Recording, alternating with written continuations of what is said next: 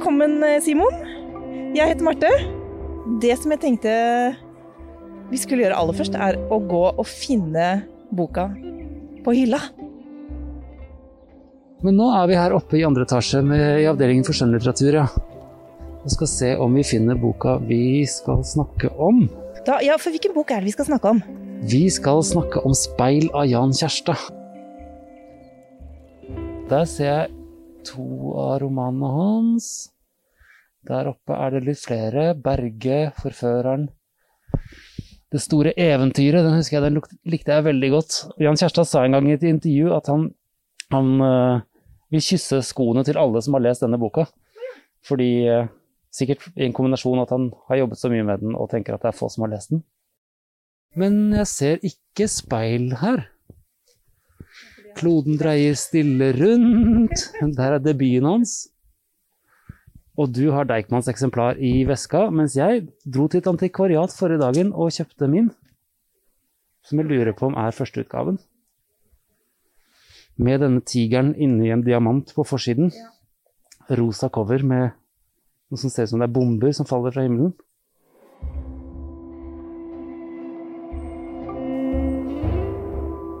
Du hører på Deichman-podkasten Utlånt til, der inviterte gjester velger seg en bok som de har et helt spesielt forhold til.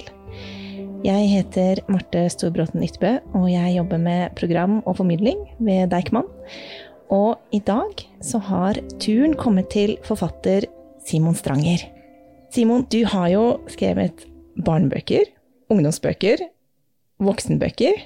Mm. Har nesten litt problemer med å holde tritt. Ja. Og senest så var du jo aktuell med romanen Et leksikon om lys og mørke. Som jo ble en kjempesuksess, for å si det mildt. Den gjorde det. Ja.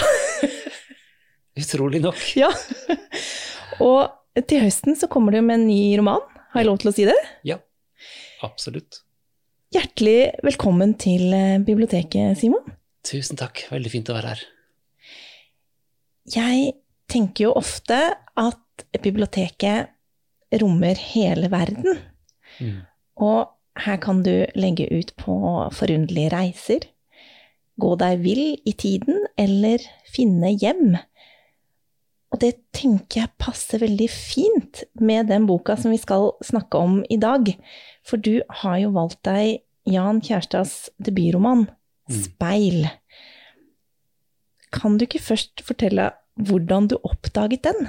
Absolutt. Um, han, han kommer med en novellesamling før, det, før denne her, Ja, men uh, det er absolutt det er debutromanen hans. Mm. Uh, jo, den var det faren min som uh, anbefalte meg å lese. Så jeg vokste opp i Oslo, i et, et gammelt hus som, som vi arvet av bestefaren min. Og foreldrene mine hadde mye bøker, så jeg er en av de som var heldig i oppveksten. Moren min leste mye for meg.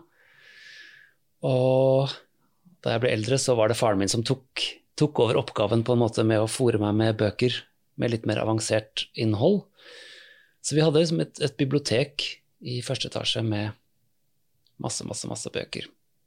Det her var i en periode hvor jeg var kanskje sånn 16-17 år gammel og var en veldig alvorlig ung mann.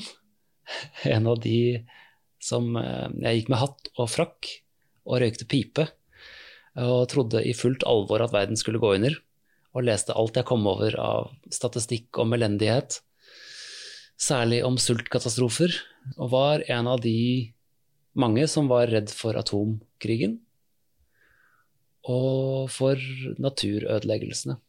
Det tenker jeg på noen ganger nå, når jeg leser om, om hvordan, hvordan klimakrisen brettes utover eh, nyhetssidene, og hva slags tanker og følelser det kan vekke hos unge. Hvordan det er voksnes eh, ansvar ikke bare å håndtere klimakrisen, som vi er nødt til å gjøre, men også å håndtere barns reaksjoner på det.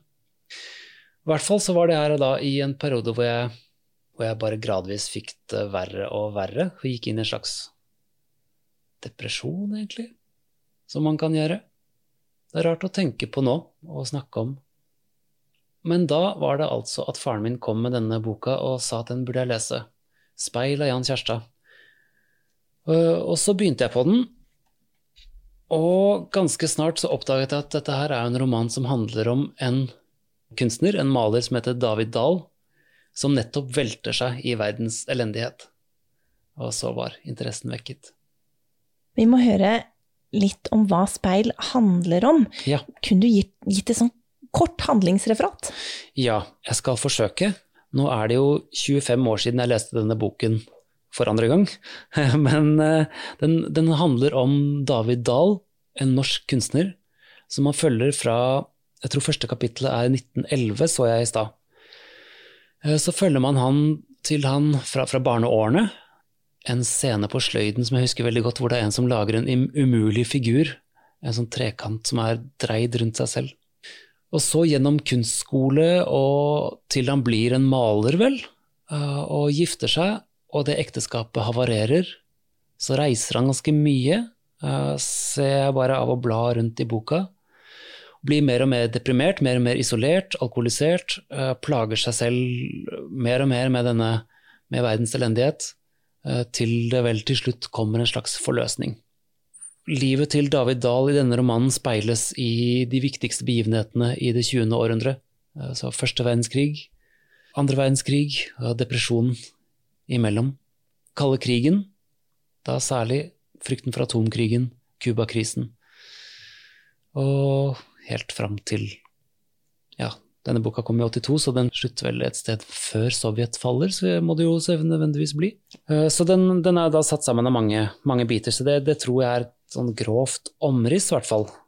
Og så tror jeg det er en sånn forløsning også i livet hans eh, til slutt.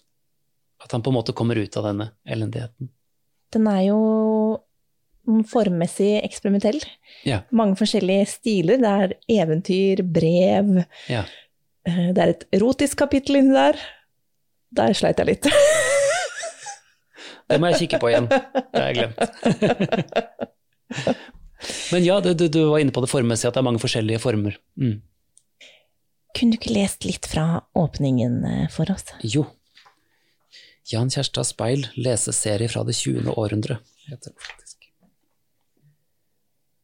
Som en gammel svart-hvitt-film, fargelagt i lysegrønt, begynner denne historien, med lange scener og få nærbilder. Som en fjern og kjølig slitt kopi, flimrende over utallige skjøter, starter dette eposet, med hopp i handlingen der ruter er borte. For en eldgammel stumfilm er blitt overlevert oss, tatt opp og satt sammen i en enkel montasje av en ukjent og usynlig fotograf, forelagt oss anonymt i disse dager som det første fingerte funne dokument i etterforskningen av vår helts liv og levned. Og som to prikker mot de runde, høye åsene langt bak dukker personene opp, prikker som blir mennesker med stakkato og altfor raske bevegelser. De krysser en jernbanelinje like ved en tunnel klatrer ned en skråning og går over en slette der de stanser ved et lite vann, mens pianomusikken spiller smektende toner. Og nå ser vi at den ene er en gammel mann, og at den andre er et hoppende barn. De setter seg ved vannkanten i skyggen av et stort tre, akkurat slik vi forventer at de skal, og den gamle snur seg og peker oppover mot åsene med et teatralsk ansiktsuttrykk, hvoretter en plakat bryter bildene med en kort, banal tekst. Gutten snur seg og ser i samme retning og nikker alvorlig med hele kroppen. Men vi skjønner snart at idyllen kan bli brutt. Så vi begynner jo i et fugleperspektiv og liksom zoomer inn. Mm. Det gjør vi jo i en imaginær filmscene. Som om hele romanen var en slags film. Så vi zoomer inn på, og da er denne, denne gutten er da David Dahl, første gang vi møter han. Jeg må innrømme at da jeg leste den Kanskje det er fordi at det er så mange ulike grep at jeg syns at den var liksom vanskelig å komme inn i. Mm. Så jeg liksom lurte veldig på hva er det her Mm. som fenger en 16-17 år gammel gutt? Ja, nei, si det. Um, det, hadde nok, det hadde nok vært en annerledes leseropplevelse nå, tror jeg. Sånn som det er med, med alle kunstverk, egentlig. At man møter den på litt forskjellige måter til forskjellige tider i livet. Men her tror jeg liksom noe av det der ekstremt ambisiøse med den, eh, og uredde med den, eh, tiltalte meg. Og det at den spenner opp et så stort lerret. Og kunnskapen i den. Og selvfølgelig da dette, dette trekket med at den at den beskriver en, en manns reise inn i depresjon, egentlig, da. Gjennom å velte seg i ytre elendighet fra verden. ja, for du kjente deg veldig igjen i hovedpersonen David. Mm. Kan du ikke fortelle litt mer om det? Jo, jeg, jeg, gikk jo da som sagt med hatt og frakk i denne perioden her som 16-17-åring. Uh, med en gammel frakk fra, fra, krigen som jeg fant som en, en gammel leieboer i kjelleren hadde på loftet. Så den gikk jeg rundt med og følte meg sånn veldig mystisk. Og følte at det var De andre hadde ikke skjønt noe, liksom. De andre var opptatt av sånne idiotiske ting. Popmusikk og fotball og kjærester og Mens jeg, jeg var den som våget å se inn i virkelighetens mørke. Knallhardt. Ja, ja, ja. Og sånn um, Ja, kos deg med potetgullet, du. Vet du hvor mange som døde av sult i dag, forresten? Sånn type. Ikke så veldig sjarmerende person var jeg på den tiden der. I ettertid så har jeg tenkt at, at det, å, det, å, ha det på den måten, um, å være så opptatt av, av, verdens elendighet, delvis handler om eh, reelt engasjement, men delvis også handler om større og annerledes og dypere emosjonelle problemer av eh, sånn relasjonell karakter. Så det er vel det jeg tenker nå, at det er en del andre ting som jeg burde ha ordnet opp i, og som jeg heldigvis har fått anledning til å gjøre senere. Men denne 16-17-åringen som gikk da alene, så mye alene, og leste Jeg hadde et sånt gale-Mathias, helt idiotisk prosjekt gående med at jeg liksom skulle forsøke å komme inn i all denne elendigheten. Og sånn som jeg husker det, så startet det med at jeg leste 'Bestialitetens historie' av Jens Bjørneboe. Så det var en sånn viktig bok før det her, da jeg var 15 eller noe sånt. At jeg liksom skulle trenge gjennom all elendigheten og skulle finne et eller annet sånn svar i andre enden. Som er jo så messiansk og eh, overmodig at det ligner ingenting. Og det fikk jeg jo ikke til. Noen ganger så skulle jeg ønske at jeg kunne reise tilbake igjen i tid til den personen, til den 16 år gamle Simon, og si at uh, det er så mye fint som venter på deg, Simon. Bare vent. Du kommer til å skrive og gifte deg og få barn og reise verden rundt og le masse. Men da er det egentlig Jo, veien ut av det kan jeg jo fortelle. Dramatisk som den er, som, siden særlig dette med sultkatastrofer, da. Så jeg kunne, jeg kunne altså sitte rundt middagsbordet hjemme i fredelige Norge og spise middag og samtidig se for meg uh, utsultede mennesker i rommet mens jeg satt og spiste. Som en slags merkelig form for selvplaging. Slutten på det her um, ble en gang jeg gikk i andre klasse på videregående på Nissen. Så var jeg på vei opp trappene etter et friminutt. Og tror jeg bare gikk og tenkte på noe helt alminnelig, faktisk. Da det plutselig som i et blaff lå døde, utsultede mennesker overalt i trappene. Uh, et sånn mentalt bilde som jeg umiddelbart forsto at ikke var reelt, bare i hodet mitt. Men likevel så, så påtrengende og sterkt at jeg måtte, jeg husker at jeg måtte klamre meg til gelenderet for å blunke dem vekk. Og det var noe jeg ikke hadde fremprovosert, så det var for første gang så kom det helt plutselig. Som en slags mild psykose, på en måte. Eller som å drømme i våken tilstand. Der og da så innså jeg at det her går jo ikke. Så hvis jeg fortsetter med det her, så kommer jeg til å bli uh, psykiatrisk pasient, og ingen Ingen, ingen, ingen blir hjulpet på veien. Og det her var nok omtrent på samme tid som jeg leste Speil, hvor han hovedpersonen har et, et sammenbrudd som er, er, mye verre, da, men, men, en lignende type erkjennelse, hvis jeg husker riktig, som, som jeg tror jeg skal lese etterpå. At det her nytter jo ikke, det hjelper ingen. Det er ikke veien, det er ikke veien videre. Men derfra, derfra har ting gått så meget bedre. så fra denne og det er jo selvfølgelig Ungdomstiden er jo grusom for de aller fleste. Kan du si noe om hva som egentlig var årsaken, eller er det vanskelig å Jeg endte opp med å skrive en, en roman hvor dette her er en av bitene som blir tematisert, og hvor denne unge Simon Stranger er en av, en av hovedpersonene. Uh, I en roman som heter En fremmed i verden. Og jeg tror nok Det her blir jo litt personlig, men dette står i denne romanen, da, så det er ikke mer personlig enn at det er på biblioteket her og i bokhandelen.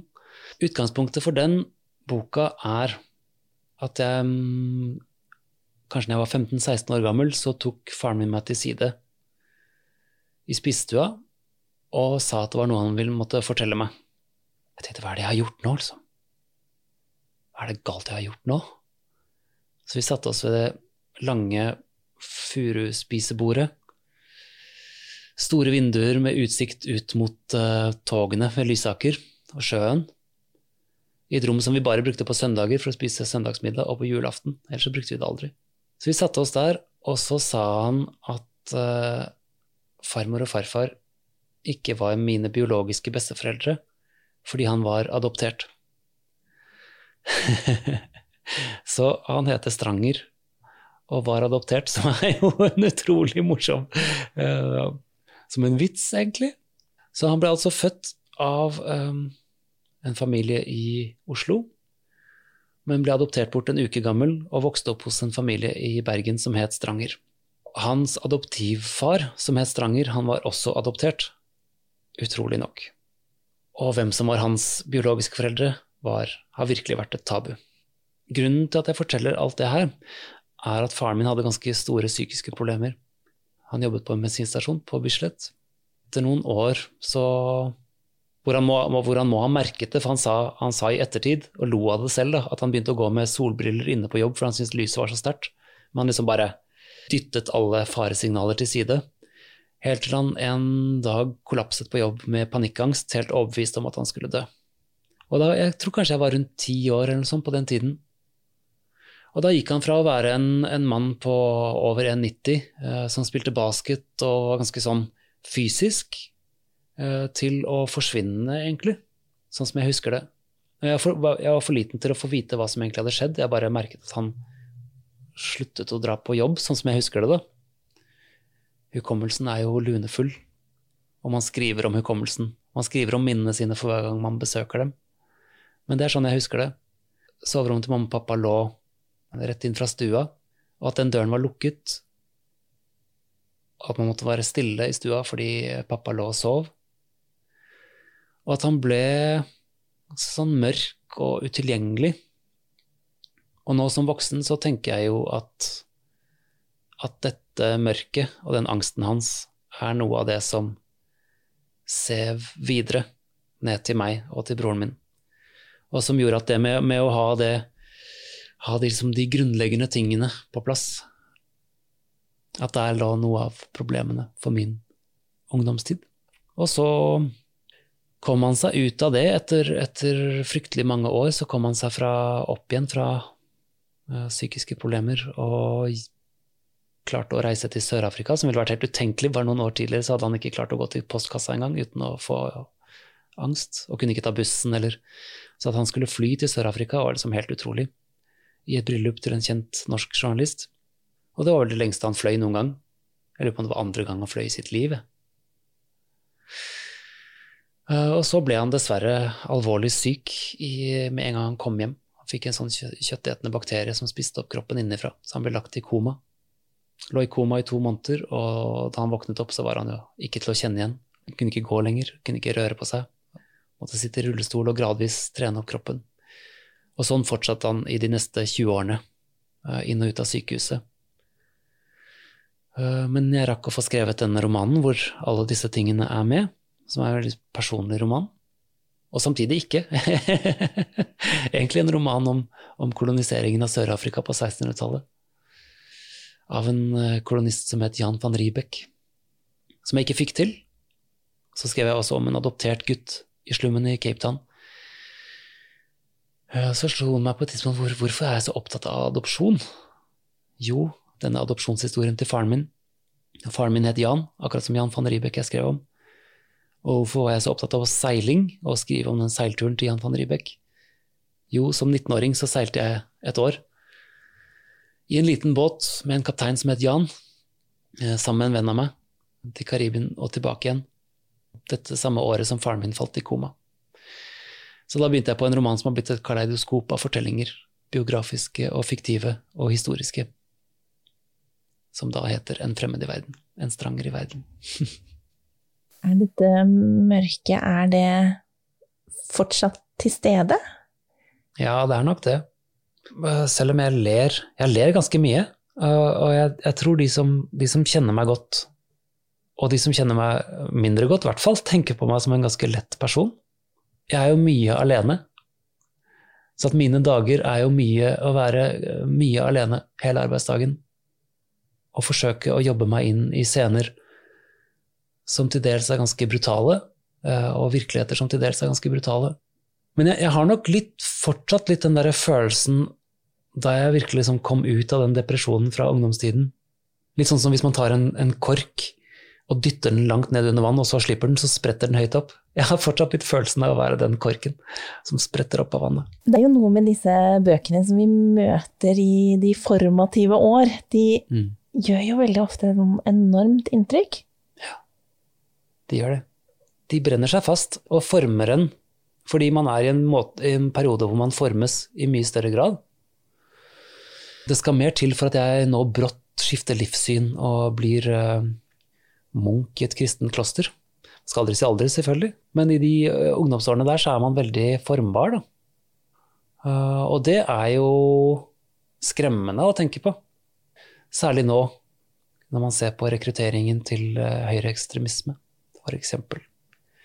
Så er det jo der. Gå ut der og finne folk som er ensomme, som er retningsløse og så gi dem en retning, gi dem en ideologi, gi dem et mål og gi dem et fellesskap. Gi dem en mening. Men kunne du, kunne du gått så langt? Kunne du havnet der? Ja, det tror jeg absolutt. Eh, jeg tror ikke det er noe spesielt med meg. Eh, så hvis man eh, skal være ordentlig dramatisk og spole tilbake til 30-årene f.eks., så var det jo mange som ble fascister. Det kunne jeg jo ha blitt. Hvem vet, under andre omstendigheter. Hva slags ideologi man får i seg.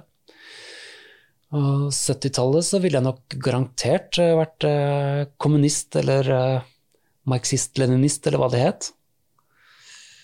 AKP-ML-er ville jeg sikkert vært. Krevd revolusjon. Med den uvitenheten som ungdommen har. At hvor mye av oss selv som ikke bare er oss selv, men tiden vi lever i. Av følelser og fordommer og ja, tanker om virkeligheten. Vi skal litt tilbake til speil. Ja! For jeg vet du har, uh, har et avsnitt til som uh, du har lyst til å lese. Ja, gjerne. Og det er et avsnitt hvor, uh, hvor man får et, et, portrett av David Dahl sin sånn selvpisking, eller hva man skal kalle det. Og nå, du vet det. Det er spedalskheten som bryter ut. Du har hørt at det kan ta ti år fra man blir smittet til det slår ut. Nå var timen kommet. Hele verden sto i ferd med å bli spedalsk. Ha! En søt hevn. Hele kloden var begynt å råtne, langsomt. De sultne som hevnet seg på dem som brukte pengene til raketter istedenfor til brød og medisiner. Du spisser ørene. Det er noen i huset. Det er noen i veggene. Du hører gnagende lyder. Du kunne ringe til Hugo, din svoger. Han er jo i Forsvaret. Kanskje han… Nei. Nei, nei. Han er så deprimerende dum at en samtale med ham ville presse deg til randen av selv… Men du kunne slå nummeret til Gabrielle. Ensomt geni søker noen som vil dele 300 kvadratmeter redsel. Hvorfor ringer ikke hun? Gabrielle som gikk fra deg fordi du var for opptatt av krig og fred, fordi hun visste det kom til å rable for deg. Det var egoistisk, men hun hadde fått rett. Du har stått for lenge på kanten av stupet, metningspunktet er nådd, angsten har tatt overhånd med en lenge oppspart styrke. Du husker da du som liten truet deg til å stå og se på din bestefars døde ansikt. De måtte bære deg ut til slutt. Du hadde det masochistiske talentet allerede som frø. Du har balansert for lenge på eggen. Intet menneske kan holde balansen i all evighet. En dag må du falle og la eggen spjære deg fra skrittet og oppover. Du har gasset deg for lenge i krigen, i våpnene. Det sovjetiske AK-47, maskingeværet, ah, blyfylte menneskelegemer, krigen i Kongo, de jetdrevne B-52-bombeflyene, åh, Døden fra himmelen, mer, mer, grensekrigen mellom Kina og India, ja, ja, knappenåler under huden, i underarmen, de russiske T-54-tanksene, nydelig! Uroligheten i Algerie, du kan aldri få nok. USAs atomdrevne hangarskip, Enterprise, en orgie i slagkraft, militærkuppen i Argentina og Peru, flere knappenåler til å stikke inn i hodebunnen. De sovjetiske Sandal- og Skian-rakettene. Ah, deilig. Det blir nesten for mye. Klarer ikke stoppe. Vietkongs geriljaaktiviteter i Vietnam. Åh, du er stappfull. USAs Atlas- og Titan-raketter. Du har forspist deg. Nå må du kaste opp. Du subber opp trappen du selv har designet, opp til annen etasje, mot soverommet. Du kjenner med ett en lukt, som fra dyr. Eller er det fra din egen kropp? Du stopper foran det store speilet i gangen som Gabrielle en gang satte opp. Du har hengt et teppe over det, det gjemmer på så mange forvirrende bilder. Du løfter bort en flik, speilet er tomt. Du kaster teppet bort og studerer den nakne kroppen din, tynn, bare knokler, og så, i ansiktet fornemmer du alle bena, huden stramt over som en levende dødning, smykket rundt halsen, den som finner eskens hemmelighet, kan stanse tigerens ville ritt et stjålet svar inni. Og dette gikk, eh, gikk liksom rett i kroppen på ditt 16 år gamle jeg. Ja, det gjorde det. det gjorde virkelig det. Men det, det, var ganske mye Det var en ganske sånn deprimerende stemning, altså. Så det, det var ikke bare meg til, til mitt forsvar. Så var det en endetidsstemning, og det var jo en reell frykt i verden for, for atomkrig og hva det ville medføre, liksom, eh, fram til Sovjetens, eh, Sovjetunionens kollaps i 1989, eh, men fortsatt i liksom en stund etter det. Så det var en sånn angst som satt igjen hos mange. Men, men, ja. Så der kjente jeg meg igjen og fant en vei ut, da. Så det er jeg evig takknemlig til Jan Kjærstad for. Men hvorfor tror du faren din kom med den her til deg akkurat da? Ja, det har jeg ikke svaret på, nå er han død, så da går det ikke an å spørre heller.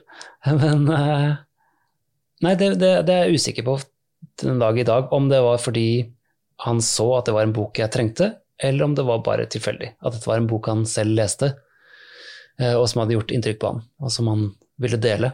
Men jeg vet at eh, Jan Kjærstad studerte jo på Menighetsfakultetet i Oslo for å bli prest, og det gjorde faren min også samtidig. Så de hadde nok Han hadde sikkert et litt sånn spesielt forhold til akkurat Jan Kjærstad, da. Men for min del så ble det da både det med, med tematikken, ja, hva den handlet om, og det med det med at den som beskriver et menneske som, som virkelig bader i verdens elendighet, eh, og tar oss gjennom det 20. århundrets tragedier, egentlig, i storpolitikken, og hvordan det siver inn i livet til denne hovedpersonen. Men også det formmessige med romanen, hvordan den er satt sammen av så mange forskjellige fortellerteknikker. Som her er det jo brev, og det er passasjer i du-form, og det er esaistiske ting. Og den, den, spenner da over hele, hele det 20. århundret. Mm. Så jeg har sånn halvveis spøk, halvveis i alvor sagt til Jan Kjærstad, som jeg nå har møtt som, som voksen da, og som forfatter, at denne boken reddet livet mitt. Det er selvfølgelig halvveis i spøk, men det er et element av alvor i det. At jeg var ganske sånn dypt nede. Og denne romanen var det som hjalp meg til å se som et speil, da. Ironisk nok, eh, med tanke på den tittelen. At romanen ble et speil for hvem jeg var på den tiden, og hjalp meg til å se at det her går jo ikke, Simon Stranger. Så fra da av så sluttet jeg å se på nyheter, sluttet å lese sånne rapporter om verdens elendighet som jeg holdt på med da på den tiden og begynte å forsøke å omprogrammere hjernen min, egentlig, fra å se etter det negative i tilværelsen til å se etter det positive. Og det går an, merkelig nok. Verden er jo ekstremt mangefasettert. Alt fins, fra det mest brutale til det vakreste. Og vi kan bare se deler av det av gangen. Ingen av oss kan se alt. Og født er vi jo. Det er liksom, det er ingen vei tilbake derfra. Så fra det øyeblikket så begynte jeg og forsøke å se etter det positive i omgivelsene, um, i menneskene rundt meg. Begynte å skrive, det har jeg alltid gjort. Altså, fra jeg var liten så har jeg alltid skrevet. Men, uh, så da debutboka mi kom, så sendte jeg den i posten til Jan Kjærstad, faktisk. Så, så, dette er tilbake i 2003. Så en veldig sånn uh, pinlig ting, men også en vakker ting å gjøre, da. Uh, og fikk et brev tilbake. Dette var på den tiden hvor vi fortsatt skrev brev til hverandre. Fikk et veldig hyggelig brev tilbake fra, fra Jan. Og, og, det var utrolig stort, som er som merkelig å tenke på nå, hvor stort det var å møte forfattere for første gang. Og så ved en anledning En del år etter debuten så ble jeg bedt om i en sånn eh, serie som var på Mono, het det, en sånn kafé i Oslo hvor de hadde en litteraturserie som gikk ut på at yngre forfattere intervjuer eldre forfattere som de ser opp til. Så da fikk jeg invitert Jan Kjærstad og fikk pratet ordentlig med han for første gang, og kom over den derre popstjernesjenansen. og så nå er det en naturlig ting å møte han. Det har vært et viktig forfatterskap for meg, både pga. denne personlige historien, eh, men, eh, men, også måten jeg tenker romanen på. Eh, romanen som, en, som et sted hvor du kan gjøre akkurat hva du vil. At romanen er en veldig åpen kunstform, hvor du kan ha masse forskjellige typer tekster. Det er, det er, et sted hvor det er mulig å eksperimentere og også leke seg. Da. Den urene romanen, det, det, tenker jeg at jeg fremdeles at bøkene mine skylder en takk til Jan Kjærstad. Simon, tusen takk for samtalen. Selv takk. Og takk for at du tok turen til eh, biblioteket. Og takk til deg som har lyttet til Deichman-podkasten Utenomtil. til. Boka vi har snakket om, 'Speil' av Jan Kjærstad, den kan du låne her på biblioteket.